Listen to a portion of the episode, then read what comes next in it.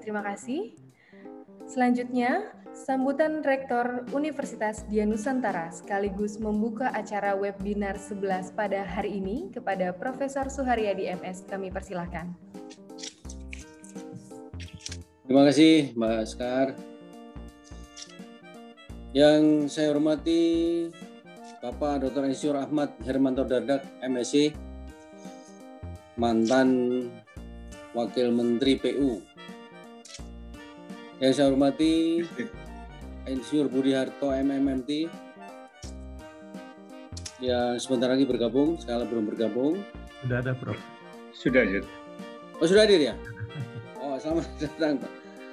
Pak Budi Harto, yang saya hormati, Direktur Utama PT Utama Karya, yang di tengah kesibukannya masih menyempatkan diri untuk bisa hadir dalam acara webinar ini. Saya sungguh sangat berterima kasih sebagai Rektor Universitas Nusantara. Pak Insinyur Hasanuddin Toyib MM, selaku Wakil Rektor 2 dan sekaligus pemandu acara pada webinar pagi hari ini. Mas Gendut Suprayitno yang menjadi Rektor ISTN yang sahabat lama, sudah lama banget dengan ketemu saya baru sekarang ini ketemu lagi. Selamat bergabung Mas Gendut.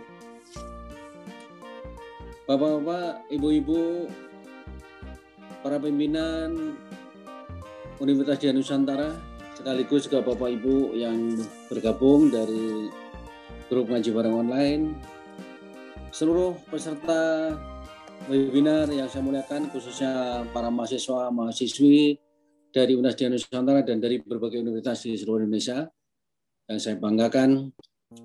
Assalamualaikum warahmatullahi wabarakatuh. Waalaikumsalam warahmatullahi wabarakatuh. Waalaikumsalam warahmatullahi wabarakatuh. Pertama-tama marilah kita panjatkan puji syukur kepada Allah Subhanahu wa taala. Tentu atas rahmat dan hidayahnya kita semua masih bisa diberikan umur panjang dan terutama kesehatan sehingga pada pagi hari ini bisa bersama-sama mengikuti acara webinar yang ke-11 dari Universitas Dian Nusantara. Salawat dan salam, marilah kita panjatkan ke hadirat Nabi Muhammad SAW beserta seluruh keluarga dan para pengikutnya sampai akhir zaman. Bapak Ibu sekalian dan adik-adik yang saya banggakan, pada pagi hari ini kita akan mengadakan webinar yang diselenggarakan oleh Universitas Nusantara dengan tema pengembangan infrastruktur jalan tol untuk mendukung potensi wilayah perkotaan. Saya ada sedikit screen Mas Agus, coba di ini kan singkat saja, saya nggak akan bacakan seluruhnya. Bisa di ini Mas Agus ya. Ya pada dasarnya oh, setiap negara ini bersaing. Dan dalam persaingan itu sangat ditentukan oleh daya saing suatu negara. Nah, salah satu daya saing yang diukur adalah infrastruktur. Ya, lanjut Mas. Agus, langsung lanjut lanjut. Lanjut Mas Agus. Sebentar di level. Kita cepat-cepat aja Mas Agus. Oke ya, jadi ada 12 pilar sebenarnya dari setiap negara yang diukur daya saingnya dari segi kelembagaan nomor satu nomor dua infrastruktur dan lain-lainnya itu ada 12 pilar yang diukur semuanya dan salah satu seperti saya ceritakan tadi adalah pembangunan infrastruktur. Infrastruktur itu macam-macam ya. Dan saya kira memang perhatian pemerintahan Pak Jokowi ini terhadap infrastruktur sangat tinggi ya. Saya kira semua kita yang sering keluar kota dengan tersambungnya berbagai kota melalui jalan tol kita sekarang mau pergi ke Surabaya, mau pergi ke Malang, mau pergi ke Semarang, Solo, Jogja dan lain sebagainya itu menjadi sangat lancar dan mudah sekali. Sehingga itu salah satu uh, unsur pembangunan jalan tol adalah untuk meningkatkan interkoneksi antar perkotaan di seluruh Indonesia. Nah, hari ini pengalaman uh, Pak Irmanto dan Pak Budi itu kemungkinan lebih stres kepada distressingkan kepada pembangunan jalan tol di uh, luar Jawa, terutama Trans Sumatera ya. Dan kalau jalan-jalan tol ini seperti rencana bisa dilakukan dengan cepat, maka interkonektivitas interkonektivitas dari kota dan daerah itu menjadi lancar, hubungannya antar satu daerah lancar, kemudian supply dari berbagai daerah ke daerah lain juga lancar, maka itu akan mengakibatkan pertumbuhan ekonomi juga menjadi semakin cepat. Nah, apalagi dalam situasi pandemi seperti sekarang ini ya, di mana pertumbuhan ekonomi tahun 2020 sudah negatif, yang kita harapkan 2021 ini bisa positif lagi. Ini salah satu penunjangnya adalah infrastruktur yang akan dibangun. Nah, memang anggaran untuk infrastruktur ini terus meningkat ya. Tahun 2021 ini dari catatan saya alokasi untuk infrastruktur 417 triliun yang itu merupakan sekitar hampir 20 persen ya uh, belum sampai ya. masih lebih rendah daripada uh, alokasi untuk pendidikan. Ya terus Mas Agus. Nah ini rencana pencapaian bidang infrastruktur yang nanti mungkin yang akan dibahas lebih pada pembangunan jalan. Ini uh, targetnya 965 kilo ya di 2021 nih. Nah ini nanti dalam pencapaiannya seperti apa Nanti kita dengarkan bersama paparan dari Pak Ahmad Irmanto, Dardak, dan Pak Budi Harto. Ya. Jadi saya ingin menjelaskan saja bahwa betapa pentingnya pembangunan infrastruktur ini bagi seluruh negara di dunia. Mengapa Amerika bisa begitu berkembang menjadi negara oh, adidaya? Salah satunya karena pembangunan infrastrukturnya. Termasuk jalan tol tadinya terpanjang di dunia itu di Amerika. Tapi sekarang sudah dikalahkan Cina. Cina mempunyai jalan tol yang terpanjang di dunia sekarang ini dan karena infrastruktur di Cina juga dibangun di mana-mana sangat luar biasa maka itu yang menyebabkan salah satu keunggulan ekonomi Cina sehingga yang lain sudah minus semua Cina masih positif walaupun turun ya tetapi masih positif jadi eh, terutama adik-adik para mahasiswa nanti bisa belajar banyak dari urean oh, ahli-ahlinya Pak Ahmad Irmanto dan Pak Budi Harto. Nanti tentu karena ini yang mengadakan teknik sipil itu juga secara teknis bagaimana membangun jalan tol yang tentu bisa cepat, tahan lama dengan teknologi yang terbaru. Ini saya kira yang akan banyak harus dipelajari oleh para mahasiswa teknik sipil. Dan saya sebagai rektor ingin mengucapkan terima kasih yang sebesar-besarnya Pak Ahmad Dermanto dan Pak Budiarto. Universitas Nusantara ini baru dipindahkan dari Medan, tadinya di Sumatera Utara Medan, dipindahkan di Jakarta, saya dan teman-teman, dan baru berjalan masuk ke semester 4 ini. Tetapi Alhamdulillah dengan bantuan teman-teman pimpinan Undira dan seluruh staf, Alhamdulillah kita lumayan mencapai hasil yang baik. Mahasiswa kita sudah ke arah 3.000 lebih ya dalam waktu yang singkat ini. Dan insya Allah dengan berbagai kegiatan yang semakin berkembang dan status akreditasi kita yang sekarang dalam proses, semoga lancar juga semuanya. Sehingga mohon doa restu bagi semuanya agar Universitas Dian Nusantara bisa tumbuh berkembang semakin besar di masa-masa yang akan datang. Terima kasih sekali lagi atas kehadiran Pak Ahmad Irmanto dan Pak Budiarto. Terima kasih Pak Sarudin untuk memimpin acara ini. Mudah-mudahan acara ini berlangsung dengan lancar semuanya sampai berakhir nanti. Terima kasih atas perhatiannya. Wassalamualaikum warahmatullahi wabarakatuh. Waalaikumsalam warahmatullahi wabarakatuh. Terima kasih Profesor Suharyadi atas sambutannya. Baik, selanjutnya tibalah kita semua pada sesi utama pada webinar hari ini, yaitu penyampaian materi oleh kedua narasumber yang akan didahului oleh Bapak Dr. Insinyur Ahmad Hermanto Dardak MSC, dilanjutkan oleh Bapak Insinyur Budi Harto MMMT, serta kami turut mengundang Bapak Insinyur Muhammad Hasanuddin Toyib SEMM yang bertindak sebagai moderator. Kepada Bapak Hasanuddin kami persilahkan.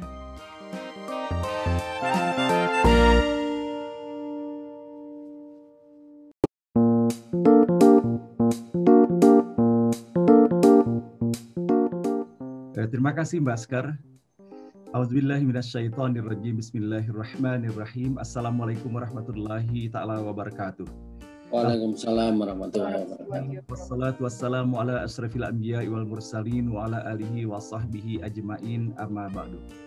Yang sama-sama kita hormati Profesor Dr. Suharyadi, eh, Rektor Universitas Dian Nusantara, dan yang telah berjasa di dalam mendirikan dan mengembangkan Universitas Mercu Buana sehingga berkembang sampai dengan tingkat sekarang ini dan yang sama-sama kita hormati uh, dua tamu utama kita pada hari ini.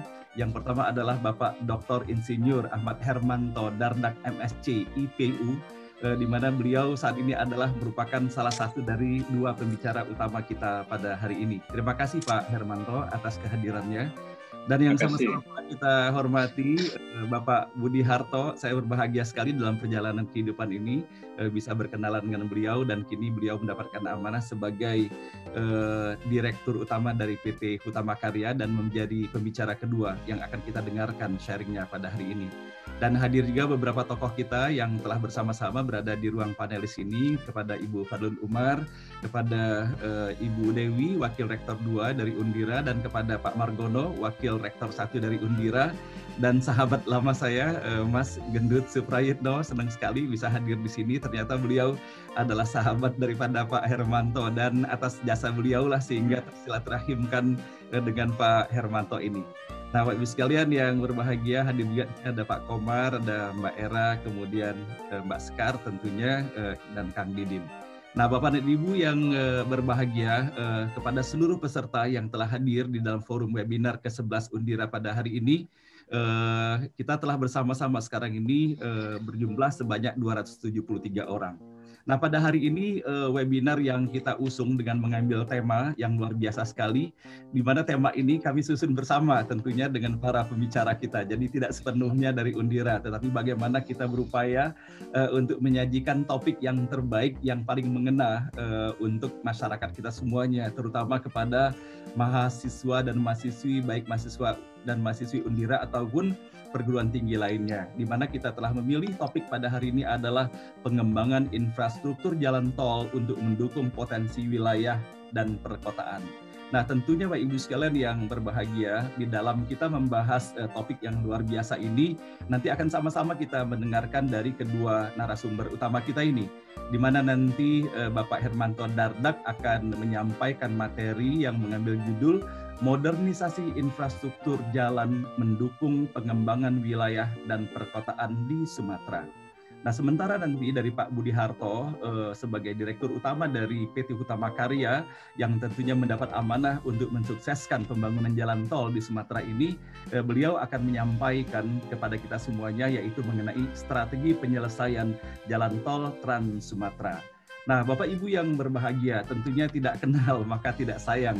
Dan saya bersyukur sekali Bapak Ibu sekalian dengan Pak Hermanto ini walaupun belum pernah berjumpa secara fisik namun sudah lama mendengarkan namanya akan kehebatan beliau dan alhamdulillah dalam waktu yang sangat singkat dalam sil silaturahim walaupun secara pertelepon saja Pak Hermanto ya eh, tiba-tiba kita eh, mengalami peningkatan kualitas silaturahim yang luar biasa. Namun demikian saya pun ingin eh, berbagi kepada Bapak dan Ibu sekalian boleh jadi sebagian besar di antara kita sudah mendengar bahwa beliau adalah merupakan tokoh yang luar biasa dalam pembangunan pembangunan uh, negeri ini uh, di mana beliau terakhir mendapatkan amanah sebagai uh, wakil menteri PUPR. Namun saya akan membacakan sekilas bahwa Pak Hermanto Dardak uh, beliau dilahirkan pada tanggal 9 Januari tahun 1957. Kita selisih satu tahun Pak Hermanto, saya tahun 58. nah kemudian yeah. uh, beliau saat ini uh, masih juga mendapatkan amanah sebagai Widya Iswara Utama di Kementerian PUPR dan beliau juga adalah ketua dewan pakar dari Persatuan Insinyur Indonesia dan saya berbahagia sekali eh, saya termasuk salah satu anggota PI juga Pak. Dan kemudian beliau adalah anggota AIPI bidang ilmu rekayasa. Kemudian beliau adalah council member dari RIEEA dan EAROPH dan IRF. Dan beliau juga uh, uh, mendapatkan uh, pembekalan pendidikan yang luar biasa. Saya melihat rangkaian tahun-tahun yang sangat indah nih Pak Hermanto. uh, di mana beliau menyelesaikan S1-nya di Teknik Sipil ITB. Saya juga Teknik Sipil Pak Herman pertama kita. Oh, iya Pak. Uh, beliau menyelesaikan S1-nya tahun 80, saya menyelesaikan S1 tahun 81, Pak. Jadi umur kita kuliah kita. Nah, kemudian Pak Hermanto luar biasa lagi menyelesaikan S2-nya eh, di University New South Wales di Australia pada tahun 85, lima tahun kemudian. Dan luar biasa lagi, lima tahun berikutnya beliau menyelesaikan program S3-nya. Sama di uh, University New South Wales di Australia juga. Teratur sekali saya melihat tanggal yang indah ketika tadi saya mencoba menuliskannya. Nah beliau juga adalah alumni dari Lemhanas KRA, Angkatan 33 tahun 2000, kemudian uh, Spamen 1A uh, eh, tahun 95, dan kemudian Spadia tahun 91. Nah, Bapak Ibu sekalian yang berbahagia, menariknya lagi uh, saya perhatikan dari apa yang saya dapati dari uh, uraian dari CV yang disampaikan oleh uh, Pak Hermanto ini untuk menggambarkan betapa luasnya wilayah yang bisa kita uh, raih nanti dari apa yang beliau sampaikan. Beliau pernah mendap mendapat amanah sebagai Ketua Umum PII dari 2015 sampai 2018. Kemudian beliau pernah menjadi bukan hanya anggota tapi presiden dari RIAAA dan kemudian presiden IKAMA, presiden EAROPH dan kemudian Ketua Umum HPJ Himpunan Pengembangan Jalan Indonesia, Ketua Dewan Pakar PI eh, sejak tahun 2018 sampai dengan sekarang dan kemudian Ketua Umum FOPI sejak 2018. Penghargaan luar biasa kalau saya sebutkan di sini sederet penghargaan untuk beliau. Yang pertama tentunya Pendidikan Keinsinyuran Award eh, tahun 2020, Adhikar Samadia, Bintang Mahaputra Utama 2014, kemudian Professional of the Year Award tahun 2014, eh, kemudian Distinguished Alumni Award dari Australia, penghargaan Legacy Award, kemudian Satya Lencana Pembangunan dan Satya Lencana Wirakarya. Dan sederet lagi yang ada di beliau. Nah, Bapak Ibu sekalian yang berbahagia dengan apa yang eh, kita dapati dari uh, keterangan dan riwayat hidup beliau ini dan achievement yang luar biasa mudah-mudahan nanti kita bisa mendapatkan wisdom yang beliau sampaikan. Nah, sementara Pak Budi Harto, ini tidak kalah istimewanya. Saya bersyukur sekali bisa mengenal beliau ini. Eh, sekarang ini beliau dipercaya lagi sebagai Direktur Utama sebuah BUMN, Hutama Karya, eh, di mana sejak tahun 2020 beliau menjadi Dirut PT Hutama Karya. Namun sebelumnya, saya mengenal beliau sebagai Direktur Utama dari PT Adikarya, dan sebelumnya 2008 sampai dengan 2016 sebagai Direktur Operasi dari PT Wijaya Karya. Nah, beliau juga tidak kalah uh, pentingnya lagi kiprahnya bukan hanya di dalam perusahaan. Beliau ada sebagai Ketua Umum Asosiasi Kontraktor Indonesia 2016 sampai dengan 2021 dan beliau juga adalah Ketua Alumni Ikatan Keluarga Alumni UNS 2016 sampai dengan 2021. Nah, Bapak Ibu sekalian yang berbahagia, tentunya pada hari ini eh, saya mengambil kesempatan awal nih, mohon maaf nih Pak Hermanto dan Pak Budi saya mohon izin ke, uh, kepada Bapak berdua terutama uh, saya dan juga mohon izin juga atas nama bangsa Indonesia menyampaikan terima kasih sekali nih kepada Pak Hermanto, kepada Pak Budi Harto dan seluruh kawan-kawan yang terlibat. Karena sekarang apa Pak Budi? Kalau dulu ke Palembang, saya mikir-mikir ke Palembang itu.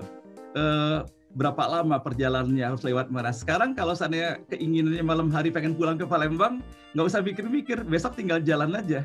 Apalagi sekarang sudah ada dermaga eksekutif di Merak dan Bakauhuni yang menjadi penunjang jalan tol. Kemudian penyeberangan juga sangat cepat dan hanya tiga setengah jam dari Bakauhuni sudah bisa makan empek-empek di Palembang. Itu luar biasa sekali. Dan kemudian saya melihat juga, saya pernah diajak oleh, oleh uh, Prof. Suharyadi, Pak Budi, uh, Pak Hermanto. Jalan-jalan yuk ke Jogja kalau dulu kan mikir-mikir Pak ya jalan-jalan ke Jogja. Sekarang begitu diperintahkan dengan selang hati meluncur kita ke Jogja. Dan saya setir sendiri Pak. Dan hmm. Pak Hermanto percayakah gitu eh, ketika saya tidak berkendara bersama anak-anak saya, saya bisa meluncur di jalan tol itu dengan kecepatan lebih daripada 200 km per jam.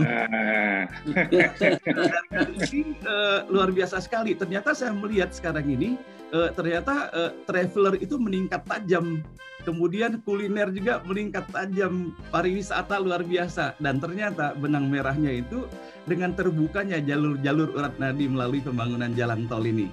Nah mudah-mudahan Pak Hermanto ini izinkan saya mewakili bangsa dan negara nih terima kasih nih kepada sosok-sosok Pak Hermanto, kepada Pak Budi beserta seluruh jajarannya eh, yang telah memungkinkan kita semua mengalami keleluasaan di dalam berkendara sekarang ini. Nah, baiklah Ibu sekalian yang berbahagia, saya tidak ingin memperpanjang lagi uh, prolog ini. Uh, yang jelas uh, saya bahagia sekali dan terhormat sekali bisa hadir bersama-sama dengan Pak Hermanto, uh, dengan Pak Budi Harto, uh, dan tentunya atas izin dan kesempatan yang diberikan oleh Rektor Undira Profesor Dr. Suaryadi. Nah, baiklah Ibu sekalian yang berbahagia, kita langsung saja mengundang pembicara pertama kita kepada Pak Hermanto dengan sepenuh hati dan sukacita kami berikan kesempatan kepada Bapak untuk menyampaikan presentasi dan sharingnya. Dan nanti Pak Hermanto uh, tanya jawabnya kita gabung saja Pak ya. Jadi setelah selesai nanti Pak Budi Harto sharing, uh, baru nanti kita berikan kesempatan kepada seluruh peserta untuk menyampaikan pertanyaannya. Dan acara kita akan berlangsung sampai dengan jam 12 hari ini. Kepada Pak Hermanto, sepenuh hati kami persilakan. Baik, mohon izin sharing ya. Silakan Pak. Tapi masih di disable ini. Tolong Mas Agus. Tolong beliau dijadikan co-host. uh, ya, masih disable. Pak Agus, tolong Pak Agus, tolong dicek Pak Agus. Sudah Pak, sudah, sudah bisa. Sudah, sudah Pak. Sudah jadi co-host. Oke. Okay.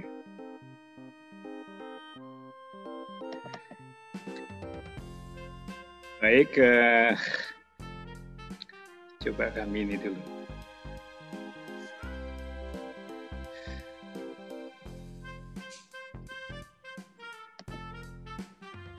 Hmm, sudah terlihat ya? Mungkin, sudah, sudah, sudah, sudah. Ya, mungkin sambil kami uh, slideshow. Baik, terima kasih uh, yang sangat kami hormati Bapak Rektor uh, Universitas Dian Nusantara, Bapak Prof. Suharyadi, yang uh, tadi ternyata uh, temennya Emil putranya gitu. uh, yang kami hormati tentunya Pak Wakil Rektor, uh, Pak Budiarto uh, dari Utama Karya. Saya pernah alumninya, mungkin masih diakui Pak Budiarto nih. Uh, kemudian uh, yang kami hormati tentunya uh, Bapak Ibu sekalian, Pak Gendut, Pak Margono dan lain-lain, dan tentunya segenap sivitas akademika uh, Universitas Dian uh, Nusantara ya, yang berbahagia. Hari ini uh, tentunya uh, uh, kita mencoba untuk uh, membahas salah satu aspek yang uh, mestinya penting sesuai dengan Dian ya. Dian itu apa Bapak? Cahaya ya. Oh, Menyinari iya. Nusantara gitu ya. Nah, kita melihat bagaimana Nusantara ini kita beri nilai tambah lah gitu melalui dialog di universitas yang kita cinta ini eh, dengan tema modernisasi infrastruktur jalan, ya, infrastruktur secara spesifik jalan sesuai uh, Pak Warek tadi mendukung pengembangan wilayah ya, dan perkotaan di Sumatera.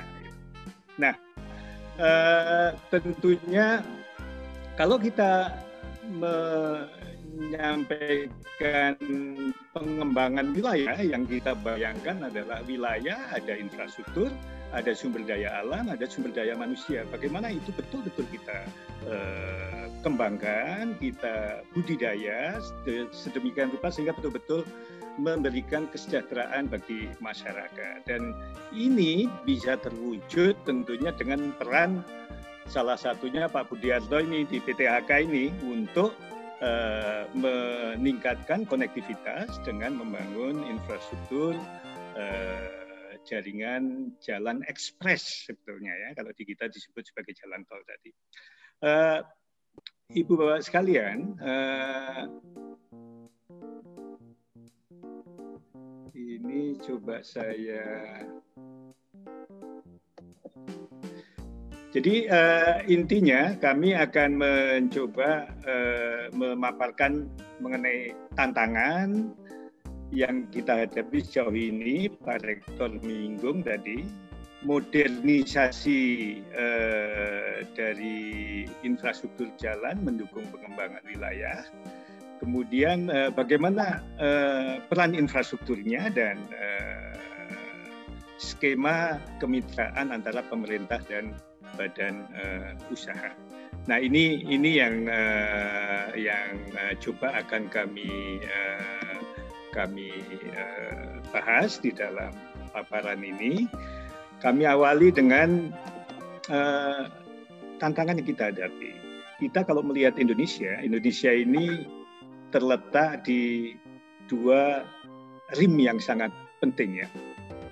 Pacific Rim, lebih dari 50% ekonomi dunia itu kontribusi dari negara-negara uh, di uh, Pasifik ya, Samudra Pasifik ya. Kemudian uh, juga Hindia ya, Samudra Hindia dan ini mengkonektivitaskan uh, yang sebetulnya difasilitasi oleh tiga alki, alur laut Kepulauan Indonesia. Dan salah satu alki yang paling sibuk sekarang ini adalah alki yang melewati uh, di antara uh, Sumatera dan uh, Kalimantan. Ya. Dan dengan gambaran ini dan juga Selat Malaka tentunya, maka uh, peran uh, Pulau Sumatera ini sangat vital dan tentunya Indonesia secara keseluruhan. Pak Rektor menekankan kita punya tantangan apa tantangannya? Tantangannya adalah bahwa eh, jalan tol kita tadi yang disinggung Pak Rektor, memang dari catatan kami sebelumnya itu eh, kita panjangnya 1.700, tapi Tiongkok sudah 136.000. Gitu.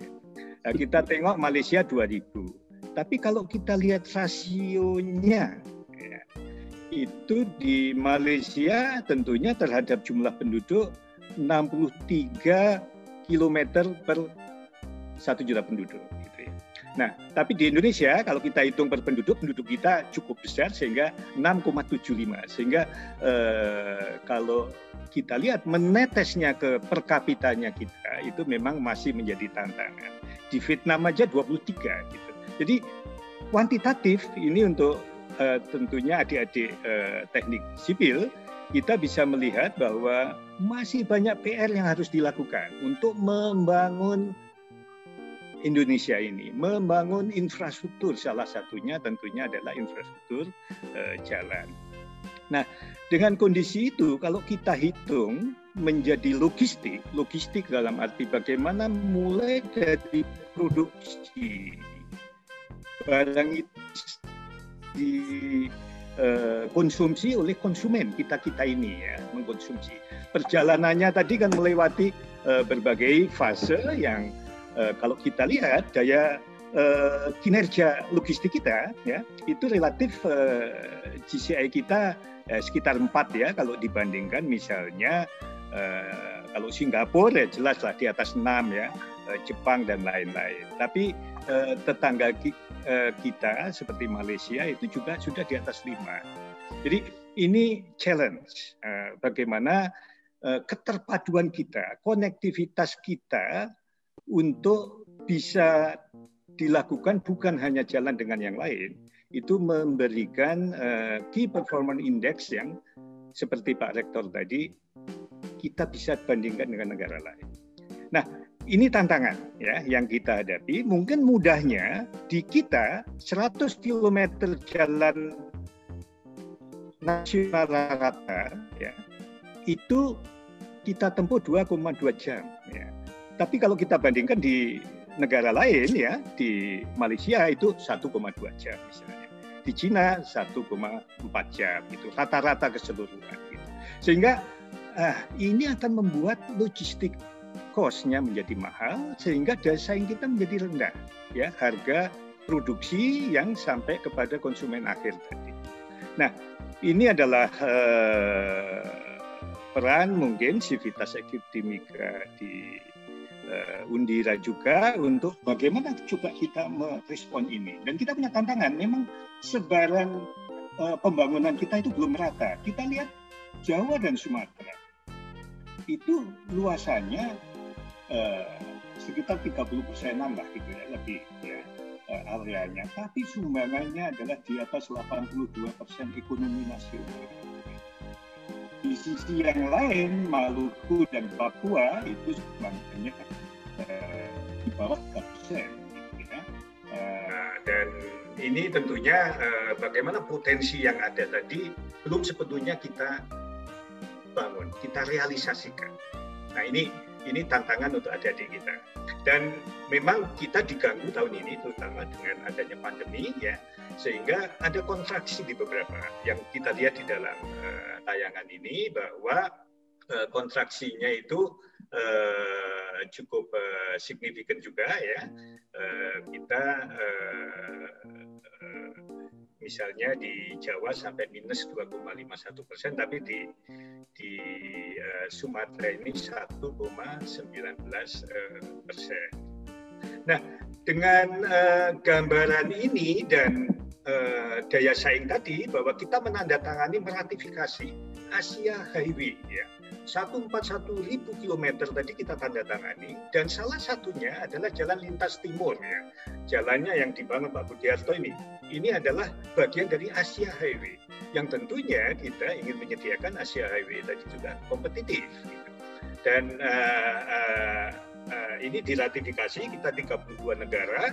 Dan dari sini Eh, kita bisa melihat ya tantangan kita bahwa waktu tempuh rata-rata itu di Sumatera masih yang merah ini yang kita lihat ya. Mulai dari Bakahuni sampai Medan itu rata-rata merah. Artinya apa? Itu eh, kecepatannya 25 sampai 45 km per jam. Syukur tadi Pak uh, Warek sudah uh, mengendarai kendaraan di uh, jalan uh, tol yang sudah dibuka, tapi tentunya masih uh, beberapa ruas tertentu ya. Dan uh, kalau kita lihat yang kuning itu di atas uh, 40 km per jam itu di utara ya, karena memang jumlah kendaraannya nggak terlalu banyak lah di utara. Jadi ini kondisinya ada dua untuk teman-teman teknik sipil. Yang pertama karena memang geometrik jalannya dan juga uh, permukaannya kondisinya ya akses-akses yang ada itu mengganggu jalan uh, yang kita harapkan ini arteri primer sehingga arteri primer mestinya mempunyai spesifikasi yang sesuai yang kita. Nah dengan gambaran ini Ibu Bapak sekalian maka yang perlu dilakukan adalah bagaimana kita memodernisasi modernisasi apa? Yang utama ya membangun jalan ekspres, jalan freeway gitu. Supaya kita apple to apple kita bandingkan dengan berbagai negara yang uh, lain tadi. Namun jalan lintas yang ada ini tentunya perlu kita modernisasi juga dengan perbaikan geometrik dan lain-lain yang uh, intinya untuk memfungsikan spesifikasi jalan raya seperti di Undang-Undang Jalan nomor 38 tahun 2000 Ibu sekalian, dengan gambaran ini eh, kami eh, mencoba untuk menunjukkan di sini bahwa di eh, kalau kita perhatikan ya itu di eh, Sumatera panjang jalan lintasnya atau jalan nasional yang ada sekarang adalah sekitar 13.700 km. Gitu. Memang yang arteri primer langsung sekitar 6.000 km derajat kejenuhannya sudah uh, mendekati seperti kita lihat dan yang besar adalah di lintas timur dan lintas timur inilah yang sebetulnya memang uh, menjadi tantangan dan uh, dikembangkan. Nah, bagaimana memodernisasinya? Nah, pertama tentunya kalau kita membangun wilayah, pirantinya adalah penataan ruang. Penataan ruang sebagai piranti mempunyai visi untuk mewujudkan ruang Nusantara kita, Nusantara lagi, dia Nusantara hmm. ya, hmm. yang aman, nyaman, produktif dan berkelanjutan, gitu ya. Ya, tentunya kita berwawasan Nusantara untuk mewujudkan ketahanan nasional yang visioner tadi sesuai dengan uh, yang dilakukan tadi ya uh, di uh, Undira. Nah, regulasinya adalah sesuai Undang-Undang 26 tahun 2007 ya.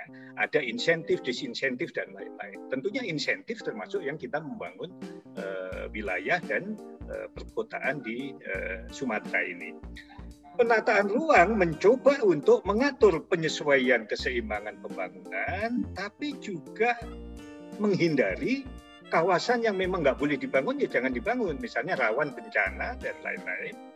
dan memberikan insentif untuk kawasan yang potensial menjadi kota berbasis industri, kota berbasis pariwisata, kota berbasis uh, tentunya uh, potensi yang betul-betul dimiliki oleh uh, kawasan tadi. Dan untuk itu salah satu perwujudannya supaya kota-kota dan wilayah tadi bisa uh, dikembangkan perlu struktur ruang. Struktur ruang ada di situ dan struktur ruang yang paling utama adalah jaringan jalan sebagai prasarana distribusi, urat nadi bagi masyarakat kita dan juga satu kesatuan yang mengikat pusat-pusat pertumbuhan di wilayah Sumatera dan tentunya juga wilayah Indonesia secara keseluruhan. Ibu sekalian, mendekatinya kita eh, antara lain di eh, PUPR dan pendekatan secara umum kita tentunya adalah kita kembangkan wilayah pertumbuhan strategis seperti Pareto kalau di ekonomi. Bagaimana kita konsentrasi di 20 persen tapi hasilnya 80 persen. Nah, sehingga kita bagi di Indonesia ini ada 35 wilayah pertumbuhan. Yang merah itu sudah berkembang, artinya infrastruktur SDM-nya sudah berkembang yang hijau sedang berkembang, yang kuning memang baru berkembang ya seperti di Papua tadi. Nah dari WPS WPS ini kita bisa lihat bahwa uh, uh, mohon maaf ini show-nya kok ketutup ya, gimana ya men show-nya? bentar, saya slide show-nya ini rupanya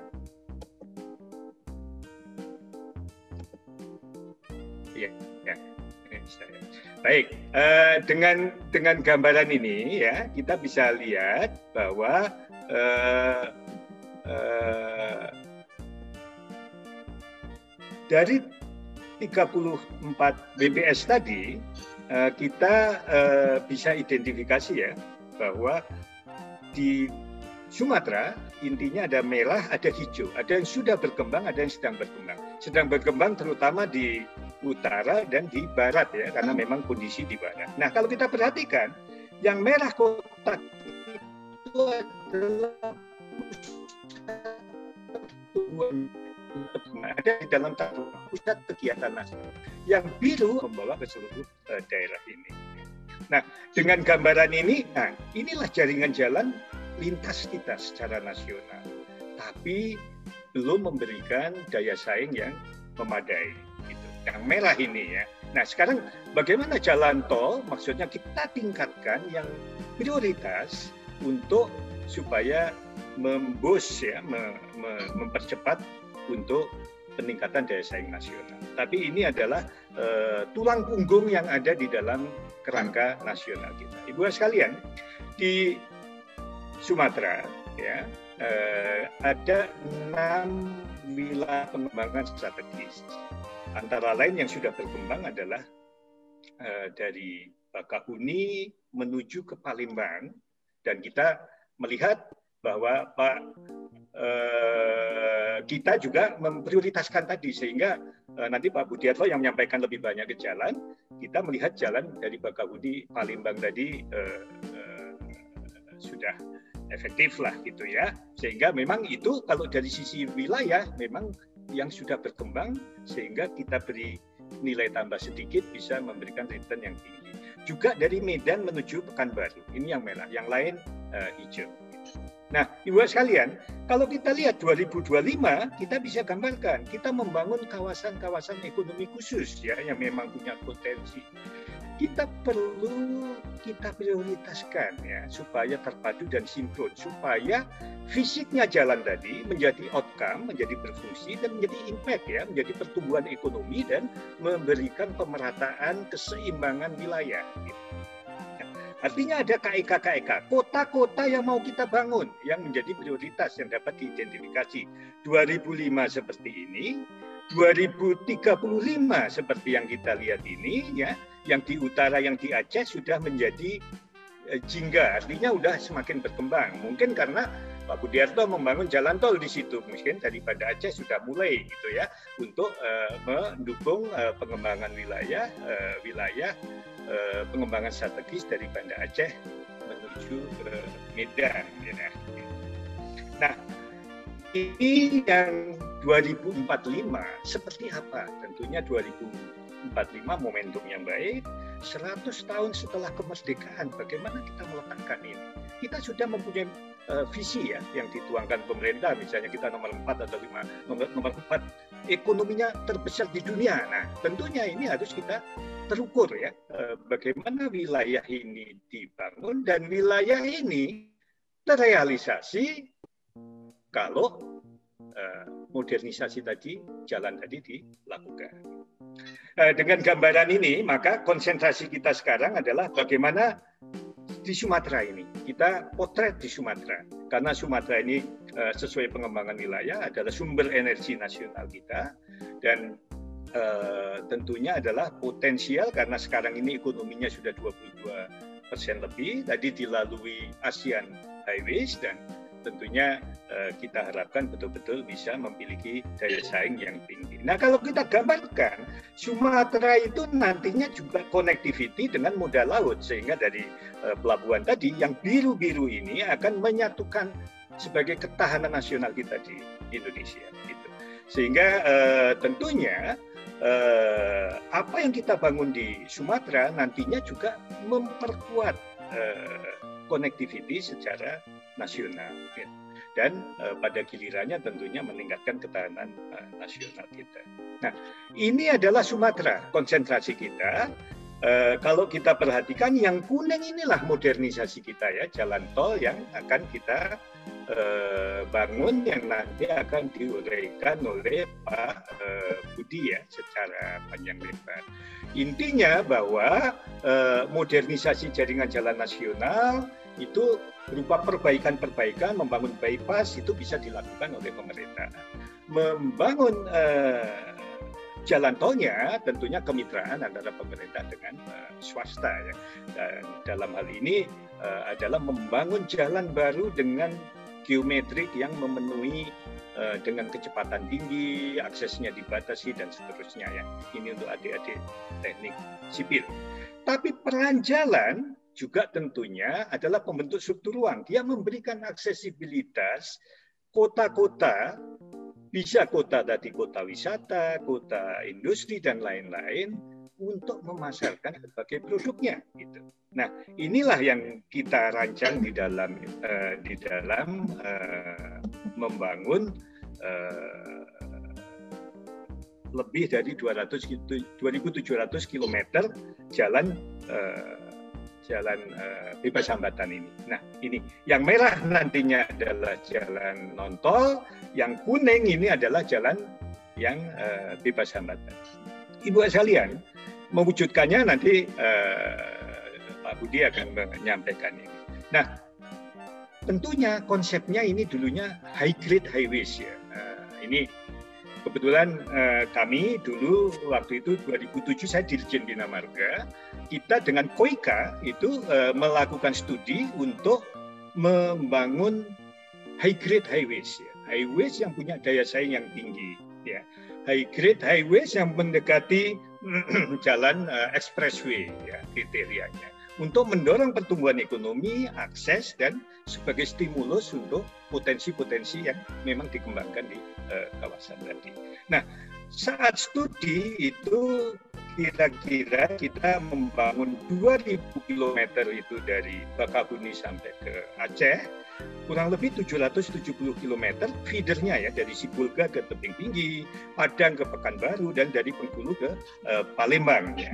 Dan uh, ini kalau kita gambarkan mengikat kota-kota pusat pertumbuhan yang merah ini dan kota-kota pusat perkembangan wilayah yang uh, segitiga hijau ini.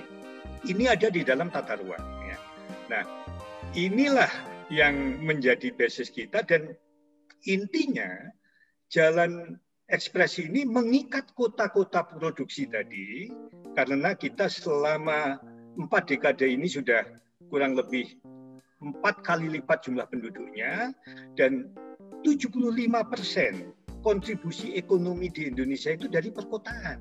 Padahal perkotaan di Sumatera ini areanya hanya sekitar 7 persen dari area ya di Sumatera, tapi menyumbang lebih dari 70% ekonominya. Sehingga ya kita harus betul-betul bagaimana kita Pareto tadi gitu ya, memberikan prioritisasi.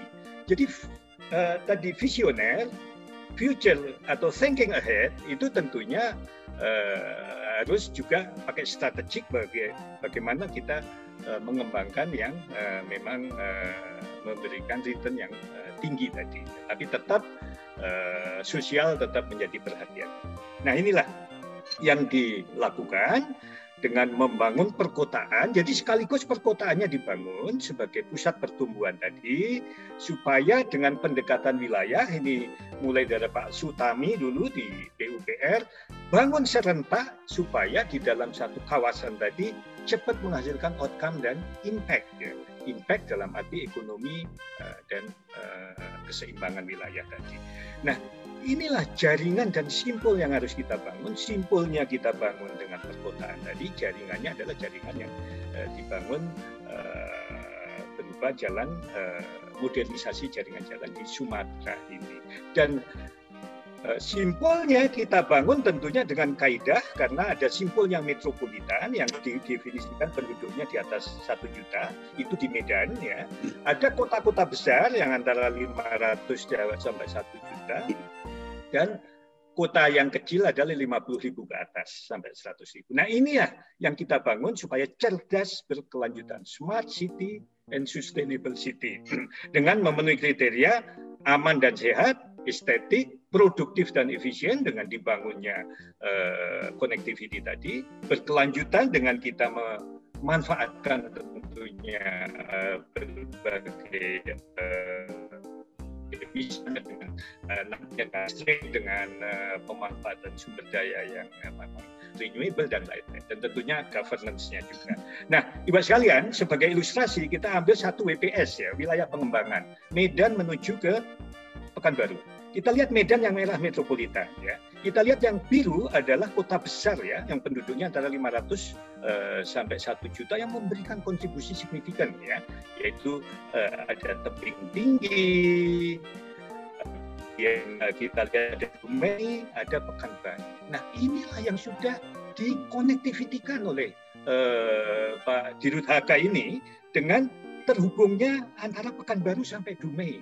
Sehingga Eh, peran kota sebagai pusat pelayanan jasa distribusi tadi menjadi efektif ya, menjadi bisa dipasarkan uh, menuju eh, kota-kota yang lain gitu, terutama potensi di koridor Dumai ke Pekanbaru, Medan menuju tebing tinggi dan tentunya menuju Kuala Tanjung nantinya outletnya sebagai pintu gerbang di barat kita ya. Kita nantinya Indonesia itu pintu gerbangnya ada Kuala Tanjung di barat, Tanjung Priok untuk menampung uh, logistik tadi dan di timur di uh, di Bitung ya. Jadi uh, Kuala Tanjung ini menjadi uh, acuan. Sehingga dari gambaran ini sebetulnya yang dibangun oleh uh, Pak Budiarto tadi adalah network of cities. Bagaimana cities tadi diikat supaya terrealisasi potensi-potensinya. Percuma kita membangun kalau nggak diikat dengan uh, ini, ini yang dilakukan dan buat sekalian dengan gambaran ini uh, kita me waktu, Pak. menekankan sekali lagi bahwa kemacetan yang tinggi tadi tentunya akan teratasi dengan perencanaan yang Eh, tertata seperti ini. Kita berupaya produktivitas tinggi, tapi smart and sustainable tetap dilakukan. Sehingga, uh, ya, ya Bapak. Ya, mohon izin pertimbangan waktu ya Pak. Ya. Jadi perkotaan tadi tentunya uh, perlu kita manajemen ini, intinya gitu, manajemen ini. Jangan perkotaan tumbuh dibiarkan saja. Nah, kita lihat Medan paling nggak membentuk yang kuning itu adalah jalan tol. Jadi membentuk lingkar dan radial. Kita harapkan karena apa? Dia akan memilah antara lalu lintas lokal dan lalu lintas regional yang nyambung ke jalan tol yang 2.800 km tadi nantinya gitu. Nah, kita harapkan kota-kota ini punya lingkar. Di Jakarta sudah empat lingkar dan delapan radial, meskipun yang sudah terrealisasi baru dua lingkar. Nah, ini kita harapkan akan menstrukturkan kota Medan sebagai pusat pertumbuhan utama ya. Dan kemudian uh, Seimangke sebagai kota industri baru berbasis kelapa sawit ya. Dan konektivitinya juga menuju ke Kuala Tanjung sebagai pelabuhan industri yang untuk mendistribusi ke seluruh uh, nasional maupun ke outlet ke luar negeri. Dan Danau Toba sebagai kota wisata yang uh, kita bangun dengan dua lingkar ini di Samosir dan di luar, kita konektivitikan dengan yang kuning ini adalah uh, jalan modernisasi jalan dengan ekspres tadi. Juga sekalian dengan gambaran ini, nah inilah KPBU yang dilakukan oleh uh, Hutama Karya, kemitraan pemerintah dengan badan usaha yang sudah dilakukan. Intinya, kalau jalan tadi layak secara ekonomi, layak secara finansial kita lakukan build operate transfer normal seperti banyak dilakukan di Jawa gitu.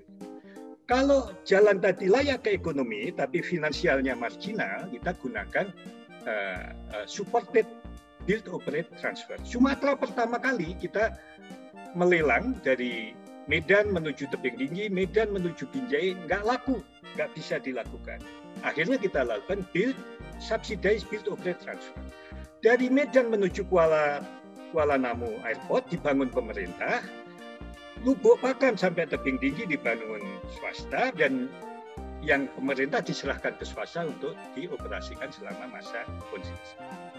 Nah, kalau skala proyek menarik minat swasta, kita bisa lakukan juga uh, performance based annuity uh, scheme. Dan salah satu yang penting untuk pengembangan wilayah, ya, maka eh, karena layak ekonomi tapi finansialnya eh, belum sebetulnya layak, tapi untuk pengembangan wilayah diberikan penugasan di BUMN dan ini dituangkan di dalam Perpres tahun 2014 waktu itu. Nah, inilah yang eh, kemudian satu-satunya yang pertama di Indonesia kita lakukan dengan membangun Sumatera, tapi kecepatannya nanti kita bisa melihat dari Bapak dan Pak Priarto jauh lebih cepat dari apa yang kita lakukan di Jawa. Ya.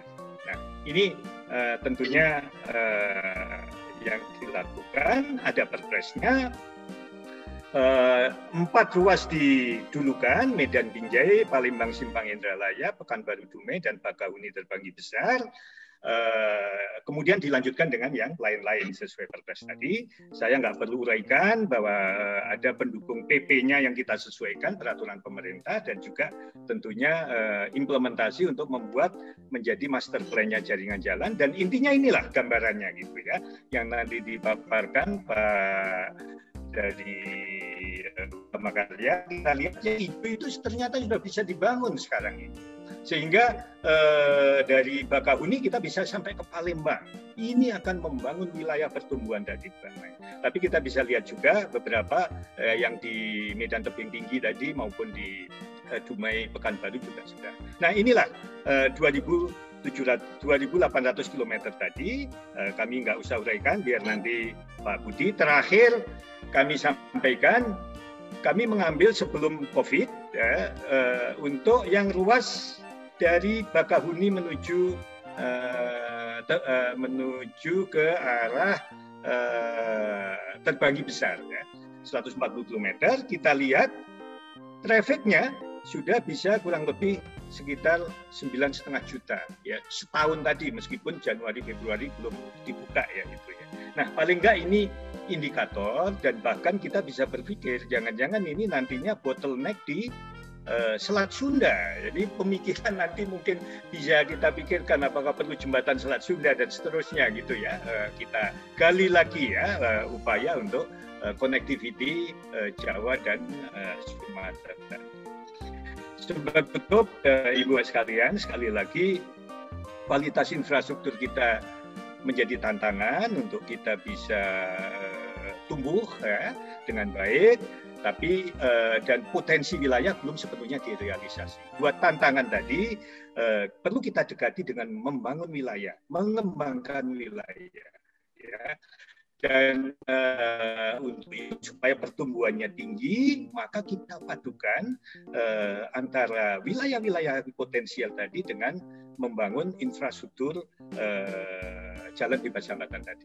Karena kebutuhan dananya tinggi, lebih dari 400 uh, triliun ya membangun itu. Kalau misalnya ya nanti Pak Bedilah rata-rata satu kilometer 200 miliar berarti ya uh, sudah di atas 400 uh, 400 uh, triliun dan uh, tentunya uh, untuk itu perlu penugasan khusus tadi ya kepada yang 100% sahamnya milik pemerintah yaitu PT Utama Karya. Itu tertuang di Perpres dan uh, saat ini sudah dioperasikan lebih dari 400 km jalan tol karena ke Palembang sudah mendekat 400 tadi dan uh, tentunya uh, ini sudah berfungsi akan memajukan wilayah ekonomi dan modernisasi infrastruktur jalan ini mendukung pengembangan wilayah, mendukung perkotaan-perkotaannya yang lebih kita rencanakan, eh, kita harapkan ini bisa menjadi bahan diskusi dan kajian yang strategis bagi sivitas akademika Universitas Dian Nusantara. Bagian dari Tridharma perguruan tinggi dan sekaligus tentunya sumbangan untuk bagaimana uh, kolektif effort kita membangun Nusantara dengan Sumatera ini sebagai ujung tombak pembangunan nasional. Terima kasih uh, Bapak Ibu sekalian. Uh, kami akhiri dengan wassalamualaikum warahmatullahi wabarakatuh. Waalaikumsalam warahmatullahi wabarakatuh. Terima kasih Pak Hermanto Dardak eh, sangat menginspirasi dari apa yang telah Bapak sampaikan pada hari ini, bagaimana kita bisa mendapati eh, konsep pembangunan jalan eh, pada satu ruas, tidak hanya memikirkan tersambungkannya antara satu titik dengan yang lainnya, namun bagaimana kita bisa mendapati betapa kompleksnya eh, sesungguhnya hal-hal yang dipertimbangkan di dalam pembangunan jalan raya ini. Dan mudah-mudahan harapan-harapan yang disampaikan oleh Pak Hermanto di dalam penutup ini bagaimana eh, dengan pembangunan jalan eh, tol eh, yang eh, terbangun di Pulau Sumatera ataupun pulau-pulau lainnya eh, dapat mengintegrasikan seluruh potensi yang ada sehingga dapat meningkatkan lagi tingkat pemberdayaan yang berada di wilayah walaupun eh, dalam skala nasional sendiri. Terima kasih Pak Hermanto. Eh,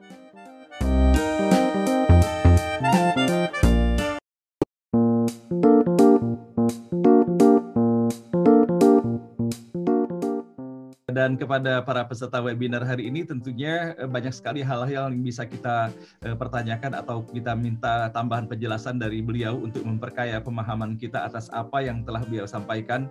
Namun eh, saya akan berikan kesempatan kepada Bapak dan Ibu untuk menyiapkan pertanyaan tersebut dan tolong disampaikan dalam kolom chat kita nanti pada saat tanya jawab kita akan kita sampaikan kepada narasumber kita. Terima kasih kepada Pak Hermanto.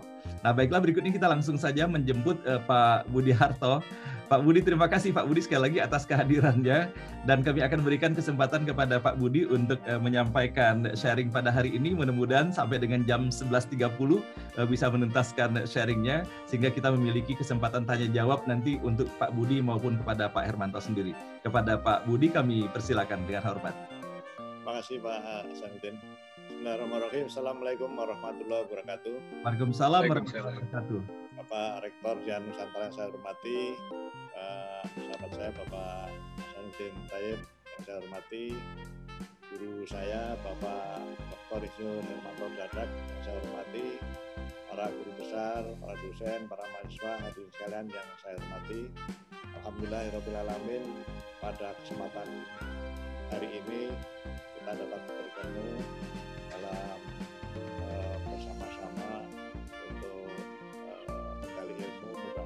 ada manfaat-manfaatnya untuk kita semua.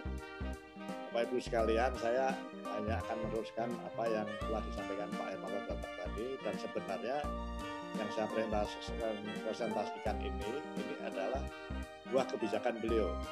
Jadi beliau kita kenal eh, kalau publik mungkin Eh, selain Dirjen Bina Marga juga uh, wakil menteri, tapi beliau sebenarnya adalah juga pembinanya Utama Karya. Beliau juga uh, pernah membina Utama Karya sebagai komisaris utama Utama Karya. Nah, saya juga nggak tahu, mungkin kenapa Utama Karya yang ditugaskan untuk membangun Sumatera itu ada keterkaitannya dengan itu. Terima kasih Pak Hermanto. ya, Bapak Ibu sekalian, mohon slide-nya di, uh, bisa ditayangkan Bapak. Eh, Bapak Ibu sekalian, pemerintah sudah memutuskan eh, membuat terobosan yang luar biasa yaitu membangun jalan tol Trans Sumatera yang saya sampaikan di depan tadi salah satu arsiteknya adalah Pak Hermanto Dadak yang tentunya ini dampak ekonomi ke depan untuk Sumatera akan besar sekali. Jadi eh, saya kira kita semua memahami bahwa kehadiran sarana transportasi, infrastruktur transportasi ini akan mempunyai multiplier efek yang sangat besar terhadap eh, pertumbuhan ekonomi. Penugasan jalan tol ini lanjut. Ini eh, seperti disampaikan oleh Pak Hermanto Datak tadi bahwa ruas-ruas jalan tol atau infrastruktur umumnya itu di pemerintah itu melihatnya dari sisi dua.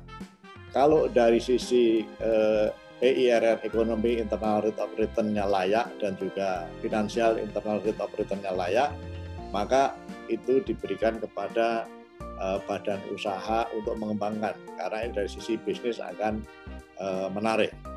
Tapi kalau kondisinya itu ekonomi internal return-nya layak tapi secara finansial internal return uh, rate of return-nya tidak layak, ini yang dilakukan pemerintah adalah yang pertama dibangun oleh pemerintah dan OM-nya oleh badan usaha, kemudian badan usaha dengan dukungan pemerintah atau penugasan pada BUMN atau Sumatera ini adalah yang ketiga ini. Jadi karena di sana itu secara finansial tidak layak, tapi secara ekonomi layak, maka ya, pemerintah menugaskan kepada Hutama Karya untuk mengembangkan pembangunan jalan tol di Sumatera. Dasar hukum penugasan ini adalah Undang-Undang 38 Tahun 2005 tentang jalan, kemudian Peraturan Pemerintah Nomor 15 Tahun 2005 tentang jalan dan juga berikut perubahannya. Kemudian peraturan Presiden nomor 111 tentang tahun 2015 dan nomor 100 tahun 2014 tentang percepatan pembangunan jalan tol Sumatera yang intinya adalah penugasan kepada Utama Karya. Lanjut. Apa Ibu sekalian, eh, di dalam perpres penugasan kepada Utama Karya yaitu Perpres nomor 117 tahun 2015 dan Perpres 100 dan tahun 2014 itu ruas penugasannya adalah terdiri dari 24 ruas jalan tol di Sumatera. Lingkup penugasannya adalah pendanaan, perencanaan teknis, pelaksanaan konstruksi, pengoperasian, dan pemeliharaan.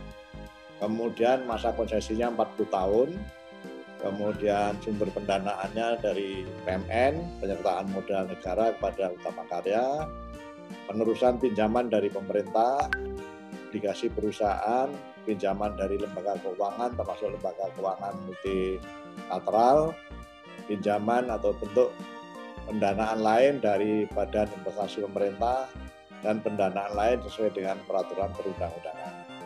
Termasuk di dalamnya dengan dibentuknya INA uh, sharing well fund oleh pemerintah tentunya ini akan akan ada uh, keterkaitannya dengan kontribusinya untuk pengembangan tol di Sumatera ini. Yang lain-lain uh, para menteri, kepala lembaga, gubernur, bupati harus memberikan dukungan sesuai dengan kewenangan masing-masing yang dituangkan dalam service level agreement. Kemudian pembangunan tahap berikutnya ditetapkan oleh Menteri PUPR setelah konstruksi jalan tol selesai dilakukan utama karya, dapat mengalihkan hak pengusahaan jalan tol kepada anak perusahaan atau pihak lain persetujuan Menteri PUPR setelah mendapat pertimbangan dari Menteri BUMN. Jadi maksudnya ini kami juga diberi kewenangan eh, keleluasaan apabila ruas-ruas yang telah kami bangun secara ekonomi, secara finansial sudah semakin menarik, seperti misalnya Bakahuni ke Palembang ini sudah semakin ramai. Ini bisa kami alihkan sebagian konsesi atau seluruhnya. Artinya bisa dioperasikan eh, oleh pihak ketiga dalam jangka waktu tertentu atau seluruhnya dibeli. Sehingga hasil dari eh, penjualan tadi bisa kami kembangkan lagi untuk membangun ruas-ruas tol lain yang di Sumatera karena masih eh, banyak sekali yang harus kita kami bangun di sana. Lanjut. Uh, jadi ini gambaran tol di Indonesia. Jadi kalau di Jawa saat ini ada 1.350 kilo, di luar Jawa, Sumatera ada 500, 635, dan kalau ditambah lainnya semua ada 788 kilo. RPJM tahun 2020-2022 targetkan panjang tol Sumatera tercapai 2031 kilo. Kemudian dari eh, tol yang dikelola oleh Utama Karya ini ada 557 kilo yang saat ini yang sebagian besar ini adalah di Sumatera. Dari slide berikutnya yang bisa kita lihat eh, eh, dari slide ini ada yang warna hijau. Ini adalah jalur-jalur yang sudah beroperasi saat ini ada 531 kilo. Kemudian ada jalur-jalur yang berwarna biru itu yang saat ini sedang konstruksi yang kami rencanakan akhir tahun 2022 nanti selesai. Jadi insya Allah pada akhir tahun 2022 nanti kami akan mengoperasikan jalan tol di Sumatera sepanjang 1063 kilo. Kemudian saat ini pemerintah sedang memikirkan untuk pendanaannya, tapi eh, kebijakannya akan ditembuskan sampai Sumatera, yaitu jalur yang merah itu dari Petung Palembang, Jambi sampai Pekanbaru itu sepanjang 574 kilo. Kemudian yang jalur kuning dari Dumai sampai Rantau Prapat, Rantau Prapat sampai Kisaran, kemudian sampai Medan, kemudian tembus sampai Aceh. Yang panjangnya 657 kilo. Jadi sampai eh, tahap tiga, jadi warna hijau, biru, merah, dan kuning ini ditargetkan pada tahun 2024 nanti sudah selesai. Sedangkan tahap 4 ini akan dibangun setelah itu. Ini adalah gambarannya progres pembangunan saat ini. Kemudian eh, di dalam tabel di samping itu ada nilai investasi dan juga nilai IRR-nya. Jadi saya sampaikan di depan bahwa secara finansial memang jalan tol ini tidak uh, belum layak tapi ini kebijakan eh, pemerintah yang sudah terobosan, maka ini tetap dibangun dengan penugasan kepada BUMN. Oleh Pak Hermanto tadi, dipilih BUMN yang kemilikan sahamnya masih 100% oleh pemerintah. Itu utama karya. Jadi eh, memang kami melakukan review atas IRR ini. Jadi sejarahnya itu adalah bahwa di dalam Undang-Undang Jalan Tol itu kenaikan tarif jalan tol itu dilakukan dua tahun sekali dengan menggunakan referensi kenaikan inflasi. Nah, eh, FS ini disusun pada tahun 2017. Saat itu beberapa tahun sebelumnya eh, inflasi itulah angkanya sekitar 67 persen. Sehingga pada FS pertama dulu kami memperhitungkan kenaikan tarif untuk dua tahun itu Eh, dengan nilai 12 persen per dua tahun. Kemudian setelah kami review dari melihat perkembangan inflasi dari tahun 2015, 16, 17, 18, 19 itu yang turun drastis, maka kami lakukan review sehingga hanya ketemu kenaikannya kira-kira adalah eh, hanya 6% per dua tahun.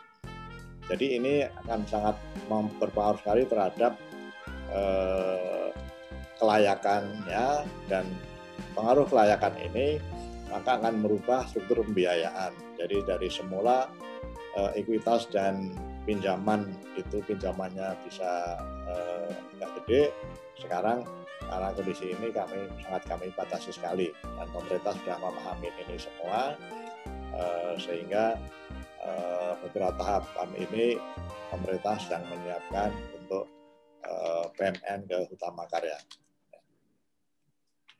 Nah, permasalahannya eh, kenapa IRR-nya tidak dikembalikan aja ke 12 persen? Permasalahannya di sini adalah ada batasan secara hukum, ada undang-undang. Memang ada wacana akan diterbitkan perpres dan sebagainya atau permen, tapi ini kan di bawah undang-undang nggak mungkin. Yang kedua juga eh, daya beli masyarakat. Mungkin kalau dinaikkan juga daya beli masyarakat belum mencapai sehingga uh, juga uh, dari, pertimbangan pemerintah. Karena kita tahu bahwa uh, Pak Hasanuddin kalau tiap pagi menikmati jalan di Jakarta ini itu lebih apa lebih murah dibanding saudara-saudara saya di desa Jawa Tengah sana eh, kalau lewat jalan tol Pak. Kalau saudara-saudara saya di Jawa Tengah sana nanti jalan tol di sana per kilo 1.500 Pak. Tapi kalau lewat Jagorawi itu kan kira-kira hanya 300 ya Pak Hermanto ya. Yeah, per, per kilo Pak. ya, ya itu memang uh, infrastruktur selalu begitu. Jadi infrastruktur itu saya kira perilakunya di awal itu berat, tapi kelamaan karena nanti akan mendongkrak tingkat perekonomian masyarakat sehingga daya beli mereka akan tinggi sehingga akan terasa murah gitu. Nah, sekarang yang menjadi tantangan tantangan kita adalah pendanaan untuk yang jalur merah dan kuning yang harus selesai di tahun 2024 ini. Jadi eh, kami sudah ditugaskan oleh Menteri PUPR untuk membuat perencanaannya dan dari sana ada beberapa pilihan akan ada loan, kemudian ada PMN atau nanti uh, mungkin jalur-jalur yang hijau dan biru itu dijual ke ke INA, kemudian dari hasil sana untuk membangun ke backbone ini. Jadi gambaran IRR-nya seperti itu. Sekarang laporan ke Pak Hermanto ini Pak Pak Hernanto. Mohon masukannya nanti Pak, bagaimana kita untuk kami untuk uh, memperbaiki pengelolaan ke depan seperti ini. Siap Pak, terima kasih. Iya Pak. Nanti mohon masukan dari Bapak, kira-kira apa sih kawasan-kawasan industri yang bisa layak kita kembangkan ya. untuk di uh, Sumatera ini Pak. Ya. Uh, selanjutnya uh, ini kalau kita lihat dari ekonomi internal rate of return ya. Jadi kalau seri ekonomi ini cukup layak. Di dalam tabel ini kita lihat bahwa angkanya 13, 26, 24 dan sebagainya cukup, angka cukup bagus. Artinya bahwa jalan tol ini akan memberikan dampak ekonomi pada masyarakat dan kinerjanya pada pemerintah. Pemerintah kan penerimanya kan meningkat dari pajak, kemudian juga dari retribusi sumber daya alam dan dan sebagainya gitu. Nilai tambahnya juga tinggi, income daerahnya tinggi, kemudian uh, serapan ada tenaga kerjanya cukup tinggi dan uh, ada uh, penerimaan fiskal yang uh, lumayan. Jadi uh, ini akan dari sisi ekonomi cukup bagus, hanya sekarang dari sisi finansial harus menunggu waktu, mungkin eh, 5-10 tahun baru akan muncul. Ya. Lanjut. Eh, selanjutnya dampak ekonomi dari Trans Sumatera ini bisa kita lihat penurunan biaya logistik itu sampai 24,22 persen. Jadi sekarang saudara-saudara kita, saudara kita yang di Lampung Barat misalnya, eh, setiap hari bisa berjualan sayur ke bawa salur ke Jakarta karena jalan tempuhnya sudah pendek sehingga eh, harga sayur di sana untuk layak eh, dijual di Jakarta dan mendapatkan kualitas sayur yang bagus. Efisiensi waktu tempuh tadi sudah digambarkan oleh Pak Hasanuddin Tayyib sangat efisien, sangat murah sekali. Hanya memang ada di eh, mendekati Palembang ada beberapa kilo yang perlu perbaikan karena memang kondisi geologi di sana merupakan tantangan kami yang tanah lunak sekali. Kemudian juga perkembangan pusat perekonomian baru. Jadi eh, tentunya dengan adanya konektivitas tol konektivitas ini akan muncul pusat-pusat perekonomian baru eh, di sepanjang tol ini. Lanjut. Setelah eh, meningkatnya daya beli kawasan dan pendukung ekonomi dapat dibangun penopang kebutuhan hidup masyarakat. Jadi ada kawasan industri, kawasan residensial, kawasan wisata, dan kawasan make Ini ada beberapa daerah nanti yang bisa kita lihat uh, kebangkitan ekonomi kawasan industri berbasis komoditas, industri berbasis manufaktur, berbasis uh, industri. Jadi uh, Bapak Ibu sekalian, industri itu kan sebenarnya orientasi pilihannya akan dikembangkan di mana itu yang pertama adalah apakah di sana ada tersedia energi yang murah. Kemudian yang kedua apa di sana tersedia sumber daya bahan baku, tersedia bahan baku untuk dikembangkan. Yang ketiga adalah apakah di sana tersedia sarana transportasi yang murah dan nyaman dan cepat dan yang juga apakah ada mendekati dengan pasar. Yang keempat ini saya kira tidak terlalu uh, jadi pertimbangan. Yang pertama, kedua, ketiga tadi jadi yang utama. Paling tidak dengan kehadiran jalan tol ini, ini akan menjadi pertimbangan bagi para industriawan untuk memilih di sepanjang tol di Sumatera ini untuk dikembangkan. Di depan nanti bisa kita lihat beberapa daerah yang bisa dikembangkan uh, uh, jadi industrinya kawasan industri. Baik, lanjut. Nah, ini misalnya aja eh, kawasan pariwisata Danau Toba. Ini saya kira nanti kalau sudah terbuka jalan tol sampai Danau Toba, untuk berrekreasi Danau Toba ini eh, akan menjadi pilihan banyak orang. Karena eh, tidak mesti harus dengan pesawat, karena menikmati jalan di sepanjang Sumatera jalan darat di sepanjang Sumatera ini rasanya sudah berrekreasi. Kalau saya bisa merasakan eh, jalan dari Padang ke Bukit Tinggi itu rasanya kiri kanan sangat indah sekali. Apalagi kalau nanti sudah ada tol, bisa lancar dan sebagainya, sehingga dalam perjalanan menuju tempat wisata pun itu sudah jadi bagian dari wisata. Kemudian kawasan industri eh, Panjang di eh, Lampung, di Lampung itu ada pelabuhan Panjang yang dikelola oleh Pelindo 3, Pelindo 2 ini oleh PU, Menteri PUPR sedang dipikirkan untuk di, dikembangkan jalan tol menuju ke sana sehingga bisa menunjang uh, transportasi barang dan jasa dari pelabuhan Panjang ke luar dan penyebar ke seluruh daerah. Juga kawasan wisata Bakahuni, kawasan Megius dari Karanda, eh, uh, Indralaya, kemudian di Pekanbaru, kemudian juga Pekanbaru Dumai. Pekanbaru Dumai ini juga tidak kalah menariknya. Sebenarnya Pekanbaru Dumai ini sudah ada jalan tolnya. Di sana itu ada 3.000 ribu hektar lahan ek Chevron yang sekarang sudah kembali ke pemerintah Menteri jadi bawah pengelolaan Menteri Keuangan. Nah ini kalau e, menjadi kawasan industri ini menjadi sweetener tersendiri bagi industriawan karena akan mendapatkan harga lahan yang murah. Hanya Pak Hermanto kami mengembangkan di sana, studi di sana ini kesulitannya itu mendapatkan sumber air baku, Bapak. Hmm.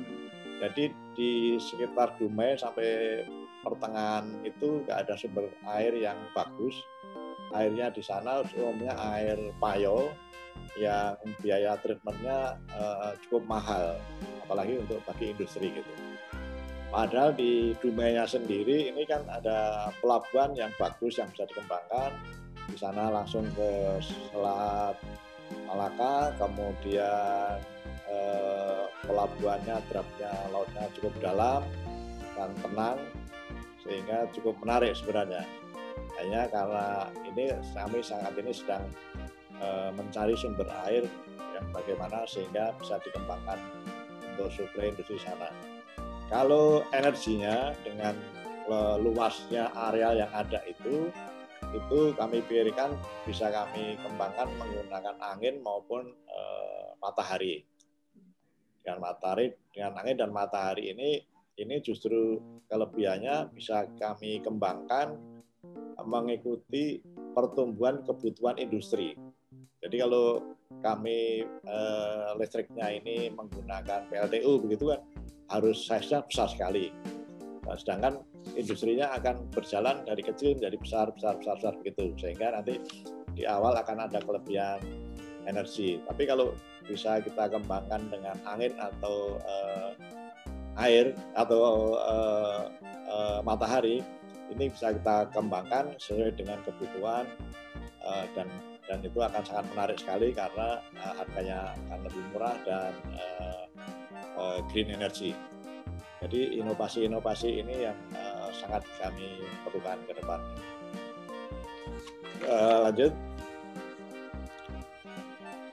Bapak Ibu sekalian, saya juga ingin menyampaikan bahwa kami di eh, Sumatera ini karena kami harus membangun jalan tol sepanjang 2.200 kilo dalam waktu yang pendek, kami menggunakan, kami bersyukur saat ini sudah ada teknologi digital di bidang eh, konstruksi teknik sipil, yaitu ada Building Information Modeling, kemudian ada uh, LIDAR, ada 3D mesin dan juga yang lainnya ini sangat membantu sekali. Jadi dengan LIDAR ini eh, kalau di sini hadir para mahasiswa dari teknik sipil dengan LIDAR ini ini mengeliminasi kegiatan eh, survei yang waktunya sangat eh, efisien sekali dan juga akurasinya tinggi. Jadi LIDAR ini kita eh, menggunakan drone yang dengan eh, kita jalankan di atasnya itu, terus kemudian dia akan berikan sinyal dan berikan data tentang bagaimana kontur tanah di situ.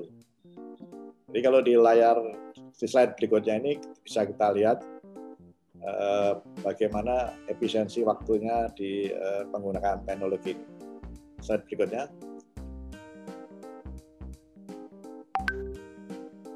lanjut. Nah, ini ini adalah uh, teknologi BIM. Jadi teknologi BIM ini bisa mendesain alignment jalan lokal, bisa mengenangi di mana ada jalan lokal, ada bisa perlengkapan jalan tol, ada alignment jalan utama, crossing struktur, slope slope, galian, data kontur, kemudian pilihan vertikal juga bisa kita identifikasi yang itu dan akurasinya sangat tepat sekali dan uh, ini sangat membantu sekali dalam perencanaan uh, dan pengelolaan uh, kita. Gitu. Ya. Uh, pada layar berikutnya ini adalah uh, gambaran efisien waktu dan biaya kalau kami menggunakan teknologi digital ini. Coba di slide berikutnya. Nah, ini eh, misalnya aja proyek kami di Indralaya Bengkulu sepanjang 170 kilo, itu kalau kami menggunakan pengu, eh, metode pengukuran survei konvensional itu perlu waktu 171 hari. Tapi dengan UAV LIDAR ini, ini hanya perlu waktu 19 hari. Begitu juga di Padang Baru yang 183 kilo itu juga begitu, ada sedikit juga begitu, sehingga efisiensi waktunya ini mencapai 88 persen. Efisiensi biayanya mencapai 48 persen. Akurasinya ini cukup akurasi, jadi kalau ini ada 20 cm, 6, 21,6 cm, maksudnya kalau hasil ini kita bandingkan dengan survei cara konvensional, itu ada selisih kontur ketinggian koridor 21 cm lah. Itu eh, sesuatu deviasi yang tidak terlalu mengganggu kami dalam membuat perencanaan eh, ini. Gitu. Saya, eh, saya kira secara cepat saja akan saya sampaikan untuk eh, penggunaan eh, teknologi ini. Ini adalah bagaimana kami menggunakan 3D mesin untuk mengontrol sumber daya pelatihan kami. Jadi misalnya alat-alat di lapangan itu bisa kami ketahui eh, dia bekerja di daerah mana dan elevasi bagai di mana ke arah mana. Apakah dia sudah mencapai elevasi yang direncanakan atau belum itu bisa kami kontrol dari control room. Ya. eh, lanjut. Bapak Ibu sekalian, eh, pembangunan di Sumatera, jadi Bapak Ibu kalau sering mendengar keluhan kondisi jalan di jalur lintas timur Sumatera, memang kondisi geologi di sana sangat berat sekali, sehingga eh, memerlukan treatment khusus untuk pembangunan tol ini supaya eh, tidak cepat rusak dan nyaman untuk dilewati dan biaya maintenance-nya kecil. Sehingga ini banyak metode-metode yang harus kami lakukan di antaranya adalah dengan metode vakum, metode dengan yang pancang, dan uh, juga metode-metode yang lain. Lanjut. Nah ini juga uh, salah satu uh, metode kami untuk perbaikan uh, tanah di sana. Jadi kalau Bapak Ibu menemukan jalan tol ini uh, banyak cepat rusak karena memang eh, dasar dari jalan tol sendiri itu kondisinya ada yang beberapa tempat yang memang lemah kondisi geologinya sehingga harus ditreatment dulu gitu. Di samping itu ancamannya jalan tol ini juga jalan raya umumnya itu adalah kendaraan odol yaitu yang over over dimensi dan overload. Nah ini mestinya pemerintah segera membuat peraturan karena eh, truk-truk yang odol ini ini daya rusaknya sangat tinggi sekali eh, sehingga akan mengganggu pengguna lalu lintas yang lain eh, tidak bisa menikmati kualitas jalan yang baik dan juga penyelenggara jalan tol sendiri akan kerepotan dalam mengelola eh, biaya untuk pemeliharaannya. Eh, lanjut, Bapak Ibu sekalian, kami membangun jalan tol di Sumatera. Kita tahu di Sumatera, kami juga harus memperhatikan eh, kondisi lingkungan hidup di sana. Jadi di sana juga banyak habitat saudara-saudara kita gajah-gajah eh, masih banyak dan gajah ini ternyata mereka punya kebiasaan jalan-jalan rata-rata itu bisa 220 kilo. Jadi mereka mesti tidak boleh kita isolir jadi mereka juga supaya leluasa bisa uh, habitat uh, mengelilingi lingkungannya tidak ada gangguan jangan sampai jalan tol ini memisahkan tidak hanya misalkan saudara-saudara kita yang di kiri dan kanan tol tapi juga kita ingin tidak memisahkan kehidupan gajah-gajah ini dari sebelah kiri dan kanan bukan gajah-gajah aja, beberapa daerah juga kita siapkan untuk harimau. Jadi kalau di gambar berikutnya ini bisa kita lihat, ya, lanjut, ya, uh, ini populasi gajah di Sumatera, uh, kita lanjutkan saja. Ya. Lanjut, nah seperti ini. Jadi uh, sebelumnya sebelumnya, nah, seperti ini. Jadi para gajah-gajah ini bisa lalu lalang melalui jalurnya yang biasa mereka. Jadi ini kita kita lakukan survei dengan Pemda dan dengan pengelola kawasan lingkungan di sana.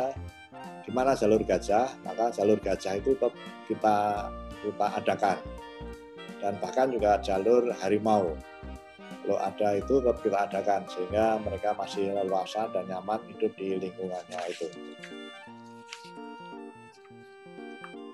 Selanjutnya Bapak Ibu sekalian, saya sampaikan eh, sebagai penutup adalah tantangan pembangunan jalan tol Trans Sumatera ini. Eh, yang pertama adalah aspek finansial. Jadi jalan tol ini nilai investasinya cukup besar.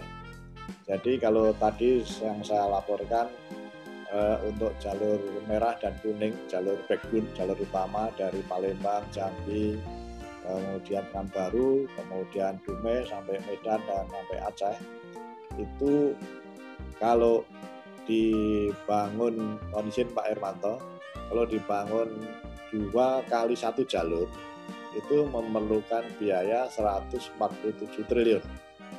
Nah ini masih dipikirkan oleh eh, bapak-bapak di Bina Marga bagaimana safety-nya.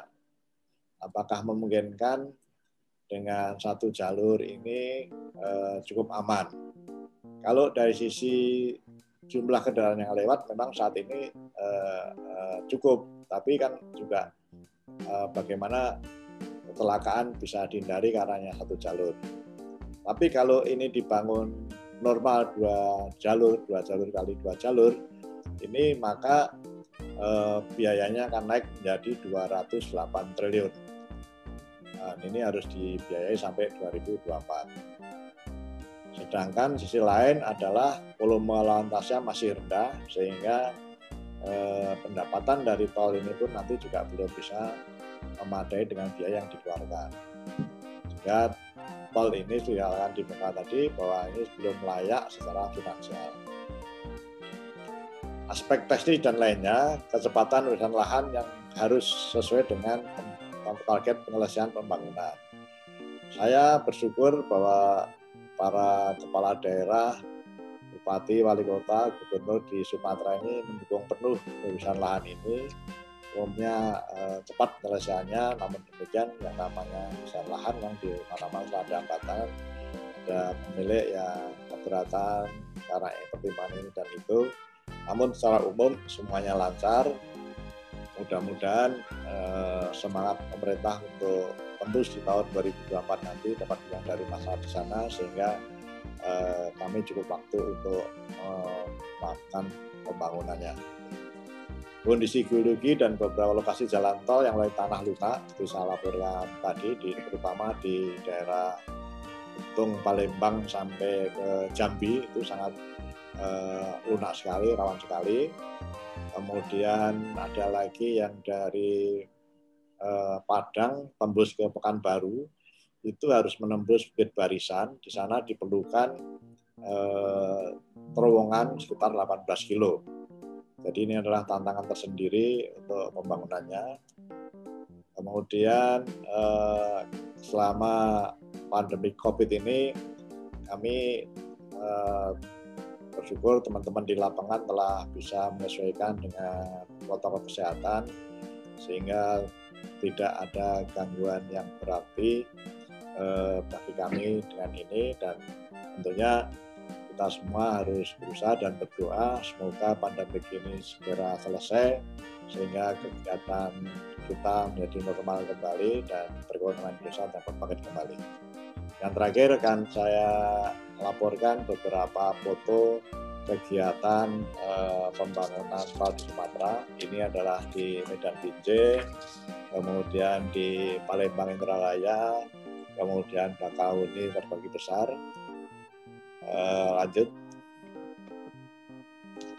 Uh, ini juga terbagi besar Panggang Buayo Agung, kemudian Sigli Banda Aceh, jadi ujung Sumatera juga sudah kita bangun di sana, sudah ada tiga ruas, kira-kira ada sekitar 40 kilo sudah bisa dioperasikan. Kemudian juga kan baru Dumai, kan baru Dumai ini kan kita kenal sebagai pusat uh, sawit, sehingga kalau dikembangkan uh, industri turunannya sawit tentunya CPO tentunya akan sangat menarik sekali. Ya. Lanjut.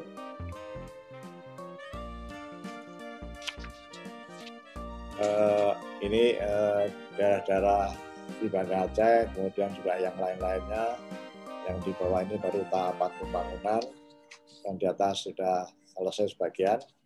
Lanjut ini yang melaporkan uh, ini yang di Penggulu sebelah kiri, kemudian Raya Moraine, Binjai Brandan, uh, semuanya aktivitas uh, berjalan. Memang ada perlambatan selama di uh, adanya pandemi COVID-19 ini. Demikian Bapak Ibu sekalian yang bisa kami sampaikan. Kurang lebihnya mohon maaf dan uh, adanya masukan dan pertanyaan adalah saya yakin akan memperkaya uh, wawasan kami dalam mengelola tol di Sumatera ini. Terima kasih. Berkalam. Wassalamualaikum warahmatullahi wabarakatuh. Thank you.